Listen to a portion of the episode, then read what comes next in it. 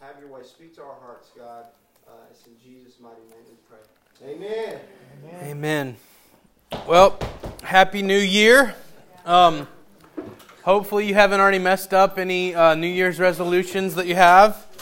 Uh, yeah, I know. Uh, most New Year, yeah, most New Year's resolutions uh, hap- uh, fail within the first two weeks. Did you know that most New Year's resolutions fail within the first two weeks?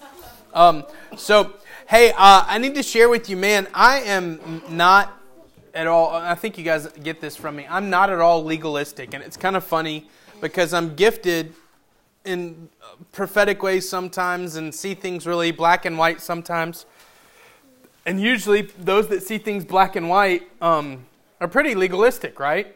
Right? Um, but the Lord's kind of set me free from some of that stuff. But I need to tell you something, y'all. There is nothing more important than consistently spending time with the Lord. And I don't say that in a condemning way if you haven't or anything like that. I say that in a desire to jump back in as fast as possible. Um, I share this story sometimes, and I maybe shared it with you guys. When Ann and I were first married, um, our, my, our first tax return, uh, married, living in an apartment, both going to school, our first tax return was $12,000. Our first tax return, our first year. Like, how, we probably have maybe the uh, the whatever the statute of limitations is passed, but there's no more creditors looking for us or anything. I don't know how we got by, but um, so I, we have lots of really cool, fond memories. Bear and Amanda came to our apartment. Y'all came to our apartment in Mississippi. We have lots of cool, fond memories of this apartment we had in Mississippi. They tore it down because if I put a ball on one side of the room, it would slide, and we were on the second floor, and there's this big ditch behind us. But um, I remember one time I worked at Starbucks, delivered coffee for a coffee company, and then was an intern and a full time student. And so I'd go 5 a.m., do the 5 to 8 at Starbucks, go to school, and then two days a week I'd go sell co- or deliver coffee to like businesses and stuff. And the other times I was an intern uh, at Bellevue. And so Ann and I had like this weird limited time in the evenings and stuff. But every now and then something would happen. I wouldn't have a shift at Starbucks or had a class canceled, and um, I'd, ha- I'd be able to sleep in. And so I remember this one morning I woke up and I was sleeping in. Y'all, it's so funny. We had this king size bed and it didn't fit in the room right. So it was pushed up against one side and Anne would sleep on that side because I was always the first one out of the bed. If she had to get up before me, she would have to crawl over me to get up out of the bed. Um, so she'd crawled and gotten out of the bed early because I got to sleep in. And I walked in, and I walked into the living room, and it was like early in the morning, the lights were down a little bit and stuff, and she's like weeping, and I'm like, "Who did this to you?" right? Like, like, like, what, what did, it, what did I do? Who did this? And um, I said, "What's wrong?" And she said I haven't been spending time with the Lord like I need to, and I just miss Him. And I love the idea that my wife was saying, I miss Him, and it wasn't me. You know? And I, so as we start this new year, one, there's something powerful about all of us reading the same thing and being on the same reading plan and stuff. Don't interpret that as legalism. All that I say to you is do everything you can to spend time with the King. And then the reason why we have a fast coming, this starting this Thursday, 21 day fast, fast however you can, however the Lord tells you to fast. But the reason why we fast is you don't stop eating so that you would be hungry to remember to pray. That's what religious spirit tells you to do. You you refrain or you, you keep the flesh from indulging in something to remind the flesh who's in charge. That's right. That's the reason why we fast.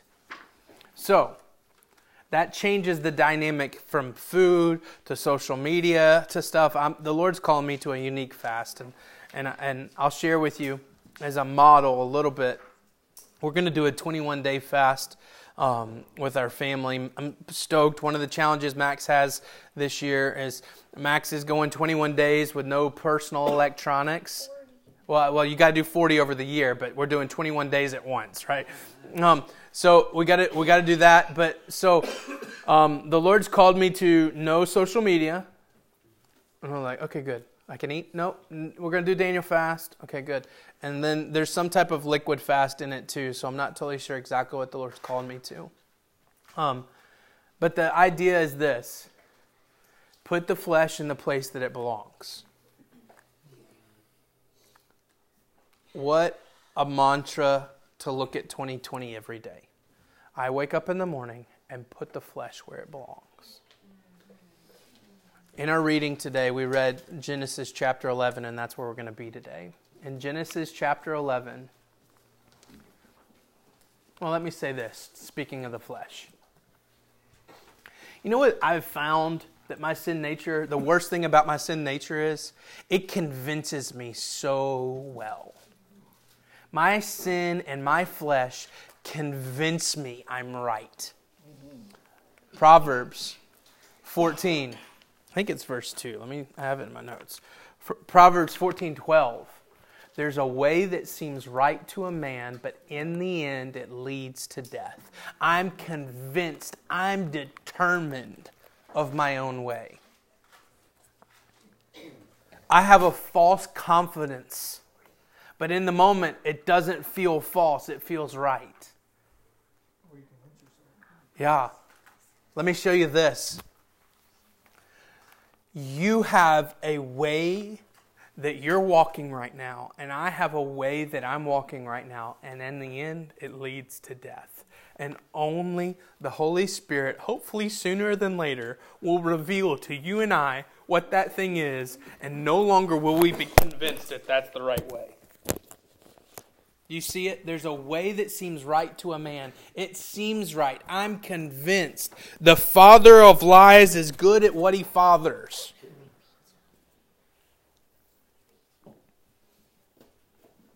I've shared this before. Um, we haven't done it in a while. But uh, two times my parents have uh, taken the entire family to Disney World. I have a really, really good sense of direction. Um, uh, I'm I'm, I usually don't lose my sense of direction well. Uh, I think Jesse Rice is the same way. Uh, like, he always knows which way's north. I'm just assuming. but, but like, like the, there's a really good sense of direction. I'm the only one in my family that way. and usually, I even have uh, camera videos of sometimes of Anne walking this way and the car's that way. Like, you know, on our honeymoon, Anne and I, I, I, it was so funny. We were in this big complex and stuff. She could never remember where our, our hotel is. And I had a video camera, and I was like, hey, tell the video camera where, where our room is. And she kind of looks for a minute and points that way, and it's literally the door right behind her. Like, no sense of direction. But one time, I've said this before when I was teaching, um, I, I, don't, I lose my sense of direction in IKEA, right? Do you lose your sense of direction in IKEA? Johan planned it that way. Um, but then, two, if you've ever been to Epcot in Disney World, they have, um, oh, I forget what it's called. Uh, the, I, wanted, I almost said Dome of the Rock. That's not what it is. Yeah, yeah. What is it? The, the world, it's something world, something of the world. It's this, it's, it's basically the hub of this thing, but you've seen it. It's the iconic giant golf ball thing. And it's this cheesy ride of world of technology that you go up and you ride up in it. It's not even fast. It's just like these animatronics teaching you how we've evolved, right? and then you get out of it and they've got all these weird things that you do down in it and there's four different exits. And so literally you go into a sphere, no lights whatsoever, go up in a circle, and then they let you out and so I walked out, and my whole family's laughing because I'm heading to the front of the park, and we're supposed to be going to the next ride, right? Like Ryan lost a sense of direction. Convinced this is right. I'm. There is no other opinion. This is the way I'm walking. And in the end, it leads to the front of the park. But in the end, other ways lead to death until someone says, Hey, what are you doing?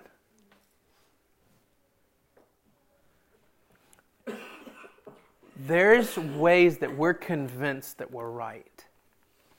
And I'm begging you, get in my face and tell me, hey, what are you doing? Because I don't know. You don't know.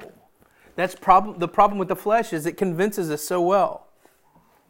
For 2020, let us be convinced of what he's convinced of. Let us be determined as he is determined, right? Watch this. How does that look like? Well, there's two perfect illustrations of convincing and the determination of man juxtaposed against the determination of the Lord. And they play out at very different scenarios in Genesis chapter 11, verse 1, is the man made version of man being convinced of doing something right and appropriate. Genesis chapter 11, verse 1 says this Now the whole earth, don't read past it, grasp the gravity of it, all of mankind. Now the whole earth had one language and the same words. And as people migrated from the east, they found the plain in the land of Shinar and settled there. And they said one, to one another, Come, let us make bricks and burn them thoroughly. And they had a brick of stone and a brick for stone and bitumen for mortar. Then they said, Come, let us build ourselves a city, a tower with its top in the heavens, and let us make a name for ourselves, lest we be dispersed over the face of the whole earth.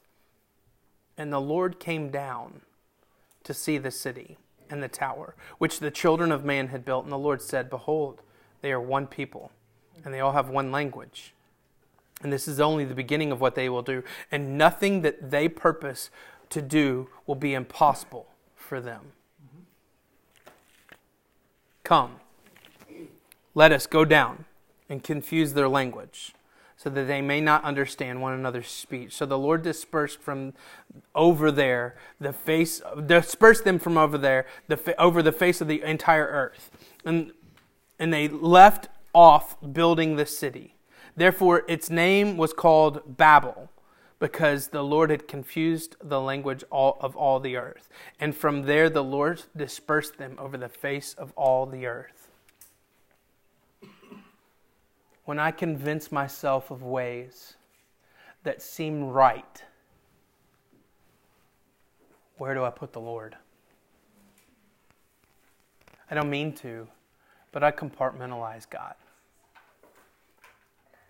I have all of my life, and then there's this small section that God does not have control of. Max. Ready? Point one, 2020. It's time to start stop compartmentalizing God. If you have areas that are separate from the Lord, it's time to fix that. And all of us would go, oh no, God is in everything. It's God first, family second, church third, work fourth kind of thing. And I challenge that and say, no, it's God. God in family, God in church, God in work, right? There is no type of tipping the hat, and I'll get to that in a minute, towards the Lord. You only walk in surrender. Watch, watch what they were doing. Why did they desire? Let's talk for a second. Why did they desire to build this tower? Make a name for themselves. It's, that's one of them, yeah. What else? Yeah, they, they didn't want to be dispersed. They wanted to keep unity. Hey, Christians, church family, religious people, look at me. That's a good thing. They wanted to keep unity. Watch. Unity outside the Father is nothing more than deep, disgusting sin. I can unify around a lot of things. I can unify around a lot of good things. But if the Father is not in the middle of it, hey, I can put my name and brand on lots of good things. But if the Father's not in the middle of it, the origin, the source, and the point, So many times we say, I'm going to build this business and I'm going to be able to give back to the Father this way. And the Lord's saying, I want all the business. Let me say it a different way. I want these kids to walk in obedience and walk in honor. But I don't want them to do that if they don't have the Spirit of God inside of them. If you want obedience and honor, hey, Christians suck at it compared to the rest of the world. Compared to other religions, we do not do that well. It's because man made focus on obedience and honor can front anything. We can make it look like anything.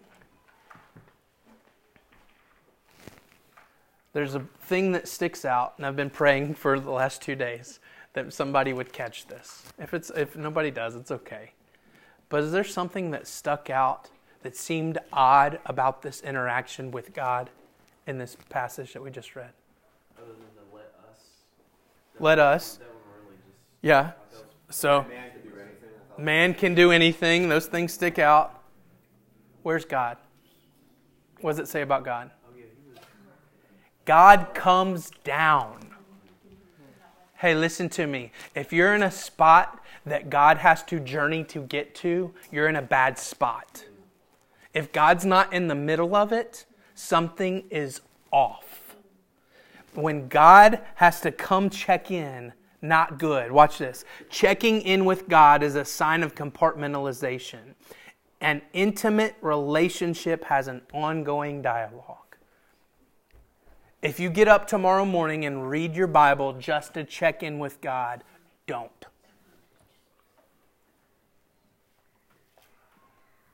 Watch, think about this for a minute.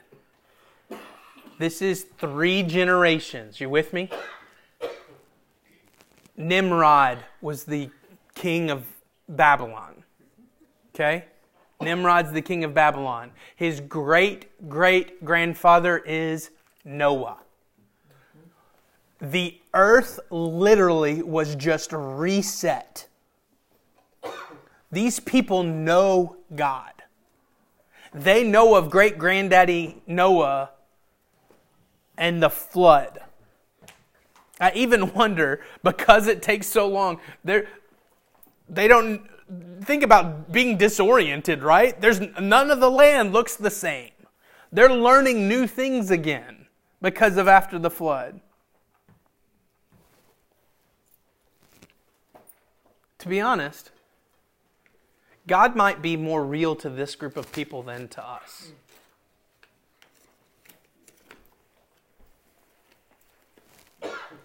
Watch, this is scary. Even man made unity can cause God to be violent. God must flood every aspect of me and I must be filled with him, otherwise, death wins. Listen, I want us to be unified. I want his kingdom to come. I want love to be on the tip of our tongue. I want everyone to lean into what God's doing here. But listen, if I don't have a foundation that's built in the Lord, I can easily compartmentalize church and you guys separate from Him. This is when seasons with God are dry because you're trying to find something, and He's saying, I want more from you. Let's read verse 7 again. Come, let us go down and confuse their language, so that they may not understand one another's speech. Ready? God sends confusion when we compartmentalize Him. David reminded me of something that I taught a long time ago. I've had people come up and say, this might be one of my, my, my quotes. This is a Ryan Mullins quote. I don't have many quotes, but um, God confuses the mess out of you and me in order to get the mess out of you and me. Would you use mess? Because Uh, and that's all right. Uh, we have the little kids in the room. I did say it, I think, on at High Point. This is not European. Right. Listen, God confuses the mess out of you and me in order to get the mess out of you and, you and me. God will send things to where we go, wait, that's the front of the park, that's not the back. We, we, uh, when, think about it, when you're so convinced and someone brings an alternative opinion, you have this fog that lands on you. And in that moment, family, please listen. You have the opportunity to press into the fog and find out what God's doing, or to live in convinced, fleshly manner. God confuses the mess out of you and me in order to get the mess out of you and me. He sends confusion so that we no longer are convinced our way is right. And we start to look at the other opinions and discover, oh, that's not the right way. God's got a different plan. You know what repentance means? Anybody know what repentance means? Turn around. Listen, please understand, I have to repent every day. When I fall asleep, the flesh is still alive. And when I get to the point where the flesh is winning, I have to kill the flesh. God is a jealous God. He walks in the room and says, I want it all, and He can. But when we create plans without Him, everything falls apart. Watch. When I try to unify without the Lord, I end up in isolation. When I try to stay together, God spreads me out. When I try my own name, what does God do? He renames me, and it's literally blah, blah, blah, blah, Babel. The emil- elimination of God in some aspects of our lives is rarely fully intended. Y'all, we eliminate God and we don't intend to. Listen to me. Today, tomorrow, I sound like one of those fire and brimstone preachers right now. I don't mean to. Today or tomorrow, you will eliminate God. Listen, you will eliminate God. It happens. It's the natural bent that you have. We are broken. Our goal is, our flesh's goal is to eliminate God. An awareness of that fact should call us to be even more fervent to surrender. I keep quoting Dr. Rogers. I guess it's one of these things. We found this cool. I posted on Instagram. My parents are moving, and my mom, eh, she's not found treasure. She finds lots of things and says they're treasures, and I'm like, Mom, throw that away, right? And like, why do you still have my eighth grade math book, right? Like, what? Like, I was homeschooled, mom. Like, all this crazy stuff. She finds this letter. I got to. I asked for my graduation present. Y'all, I'm telling you, I'm weird. Uh, my graduation present from high school. I wanted to go to the Holy Land with Dr. Rogers, and you know, it's crazy expensive and everything like that. And then my parents, they did it. They got it. And, and Dr. Rogers, his trip was full and my mom sent this letter to Dr. Rogers and said, Hey, this is for Ryan's graduation. Would you consider? And he said, Of, of course. And so my parents wrote him a letter and said, Thank you. I didn't know because they were surprising me with this gift. He writes back this letter and says, I'm like 18. It says, Of course, I should be thanking you. Ryan is such a special young man, a man set apart, kind of verbiage. And my mom hands it to me, I'm like, wow, this is awesome. I love this, right? Now, really, Dr. Rogers is a hero of mine. One of my favorite quotes of Dr. Rogers. Ready? You can't just tip a hat to Jesus, you must bow your knee. Listen to me. Tomorrow morning, if you just check in with God, He's frustrated and angry. Because He's not looking for a people to just check in. He's looking for a people who will surrender who will bow their knee and give him time. The Tower of Babel. We've got all these weird images of like they were trying to reach heaven and then God destroyed it. No, all of a sudden they looked at each other and they couldn't understand one another. And in that, I could understand what he was saying, but I couldn't understand what he was saying. So, hey, you want to? Yeah. And then very naturally, everyone dispersed and they left off the building. And from that point, Babel turns to Babylon. And for all everything, right? Go look at the Babylon is Iraq, okay? Right? There's this man made effort to do the best, right?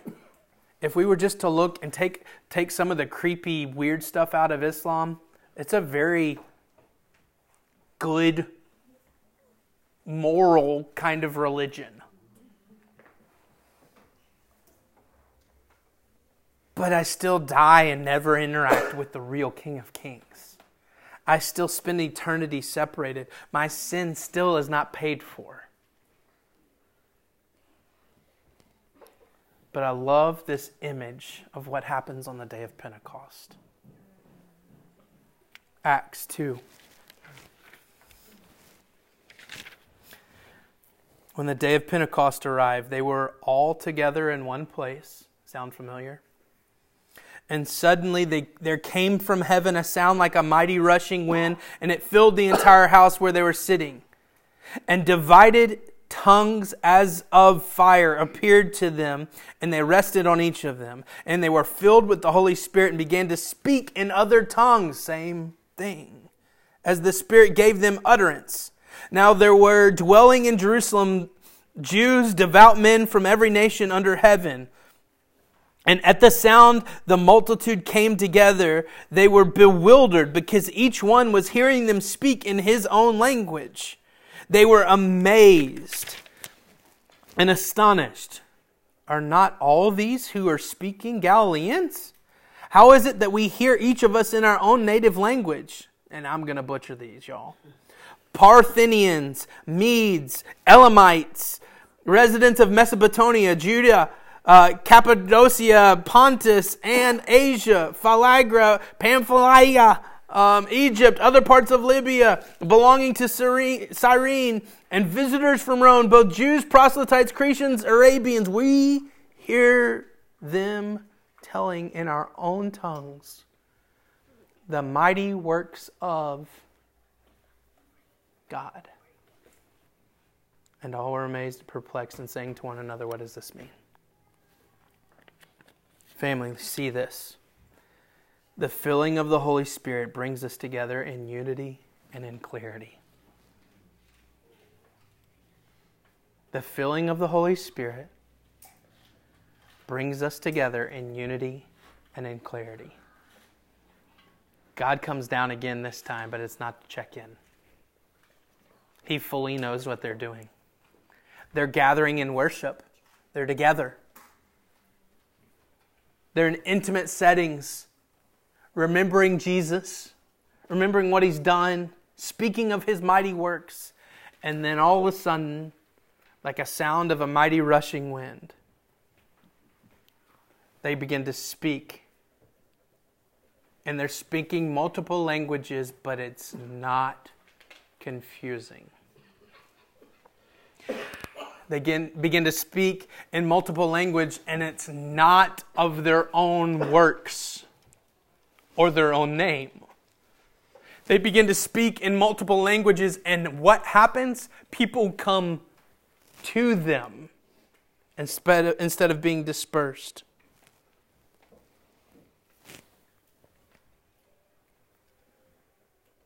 Think of this for a moment when I desire to gather and put something together. Well, let's role play. We have hindsight with the results, but let's put those hindsights aside for a moment. Let me tell you, I'm going to give you a very detailed step by step plan on how to assemble a lot of people together. Good, clear branding. I'm going to be able to keep them there, and then we can build something really, really strong, powerful. Versus spend intimate time in worship and prayer. One of these tips a hat to Jesus, but it's real easy to follow. It's real easy to understand. There's a good process in place. One of these bows and knees, but I can't tell you what God's going to do next. I just know global impacts on his heart. Church family. I don't throw stones today. I speak from the things the Lord has shown me. But thousands and thousands of churches today are declaring vision from a stage. It's what you do first year. Everybody's on the same page, big day. It's got good branding around it. It's easy to understand, easy to grasp. And many of them, it'll be just checking in with the Lord. For us, if we start by bending our knees, spending time with Him, He will reveal to us what's next. And I promise you, His heart is His kingdom come, His will be done. I promise you, His heart is the nations. So, watch, I love this. When my heart doesn't feel like the nations, His does. And so, as long as I bend my knee, I will get His heart. Even when my heart is disgusting and vile and rejecting every person on the planet, if I bend my knee to Him, I will get His heart. And His heart is for the nations. So I tell you with everything in me, there is nothing more important than spending time with the Father in full surrender. Amen. Because in that we calibrate our hearts to His heart and we have the same heart. And we become unified in that manner. And then watch what happens after the day of Pentecost 3,000 saved, then they very spirit filled are dispersed. Spirit filled does it spread. Hannah and I were talking earlier about this idea of how the world views perfection as one thing, and we, or self help as one thing, and we view self help as something very different. Self help today would be, for women, go get a manicure, go get a manicure, go see a movie. And the best self help for a believer in Jesus is surrender more, give more away. Church family, if we can, in a Vision Sunday kind of idea, come around this one idea, one goal, one heart, is everyone walking in full surrender, spending time with the Father. And then, as Scripture said, not forsaking the gathering together and the meeting of one another's needs. Let's pray. King Jesus.